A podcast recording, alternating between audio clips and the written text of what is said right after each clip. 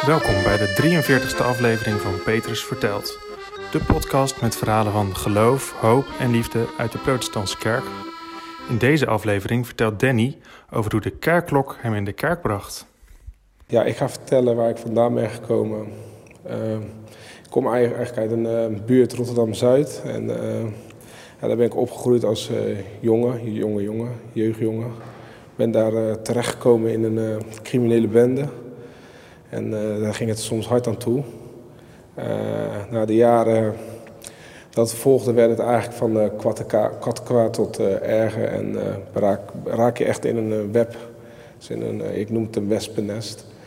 En daarbij kwam veel drank en drugs kijken. Zoals Dylan al zei, in de jaren 90 ja, ging het echt hard eraan toe. Keiharde muziekstijl en ja, wetteloos eigenlijk. Dus je had ja, weinig regels waar je mee mee eh, te maken had. Je had alleen maar je eigen regels en eh, je hield alleen maar rekening met jezelf. En eh, op een gegeven moment werd het leven steeds zwaarder. Dus de drank werd steeds, ja, die kwam steeds meer voor in je leven en in, de, in de omgeving ook. En op een gegeven moment ja, werd ik ouder, had ik meerdere kinderen en dacht ik van ja, dit is volgens mij het leven niet, dit, dit werkt niet zo. En, uh, was het heel moeilijk om eigenlijk uit die spiraal te komen. Dus ja, ik wou eigenlijk heel graag stoppen met drank en drugsgebruik. En op een gegeven moment dacht ik, ja, dat doe ik wel even, weet je wel. Dus ik ga naar een dokter toe en ja, die schrijft dan wat medicijnen voor en dan ben je wel gered. Maar zo makkelijk ging dat niet. ja, het werden gewoon echt vluchten naar Kaapstad, Zuid-Afrika. Daar ging je in therapie en dan vloog je weer terug en dan begon je in principe na een paar weken weer van vooraf aan. Dus de, problemen bleven terugkomen en uh, werden ook steeds groter. Op een gegeven moment dacht ik van ja, hoe kom ik hier vanaf? En uh, kwam ik mensen tegen die zeiden van ja, uh, je bent op hele donkere plekken geweest en je moet je eigen schoon wassen en noem maar op. Dus eigenlijk kwam ik een beetje in een occulte wereld terecht met rituelen en andere praktijken. Dus het, op een gegeven moment zag ik dat het wel werkte, weet je wel. Dus dat er iets meer moest zijn dan uh, ja, drugs, een pilletje. Of uh, ja, dat, dat het echt wel een geestelijke wereld uh, bleek te zijn waar je in terecht was gekomen. Dus een vrouw had toen een keer wat bij me gedaan.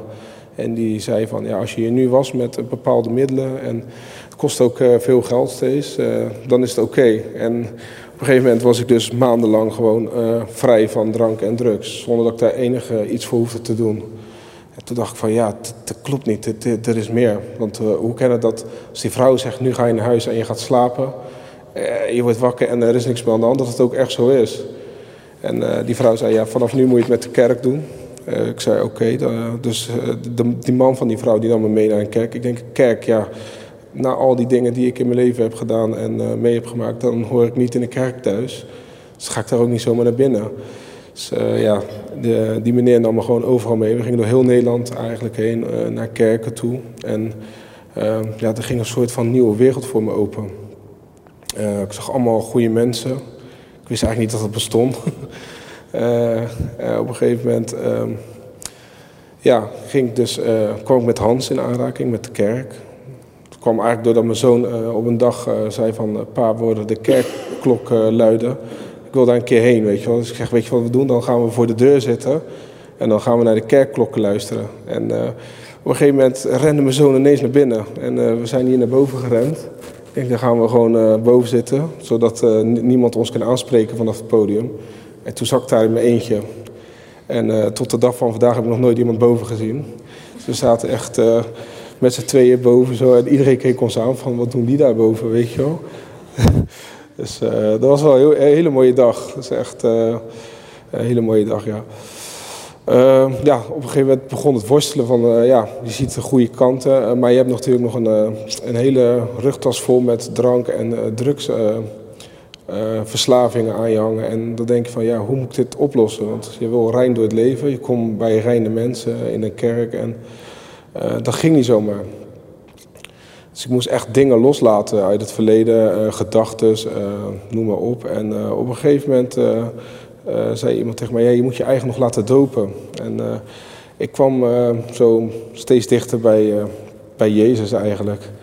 Eigenlijk het mooiste wat er is. Want ja, ik, ik ging richting mijn doop toe en ik voelde een soort van bevrijding. Zeg maar. Dus op een gegeven moment voelde ik echt van, als ik dat stukje heb gedaan, dan krijg ik licht in mijn leven. Want mijn leven was eigenlijk heel erg donker. Ook als ik, als ik mijn ogen dicht deed, dan dacht ik van ja, wat, wat is het hierna? Is het een en al donker of uh, wordt het misschien juist heel licht?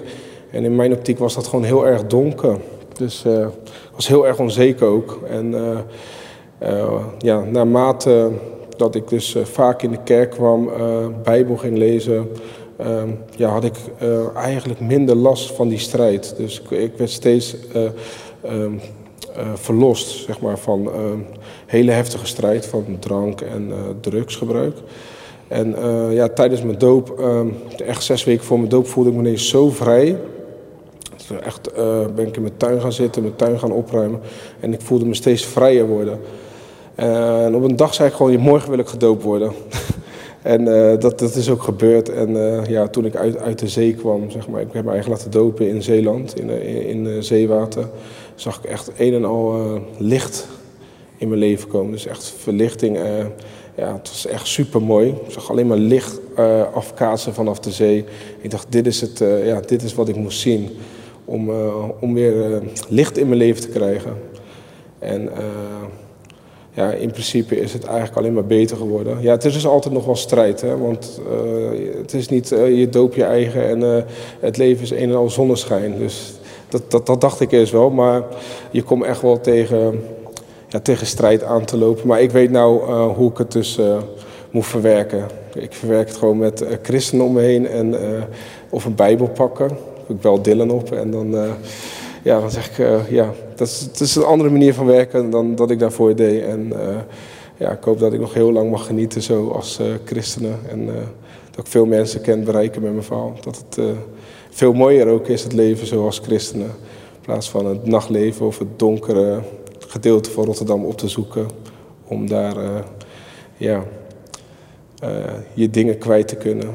Die dingen moet je eigenlijk loslaten in het licht en niet in het donker, ben ik achtergekomen. En dat is mijn verhaal.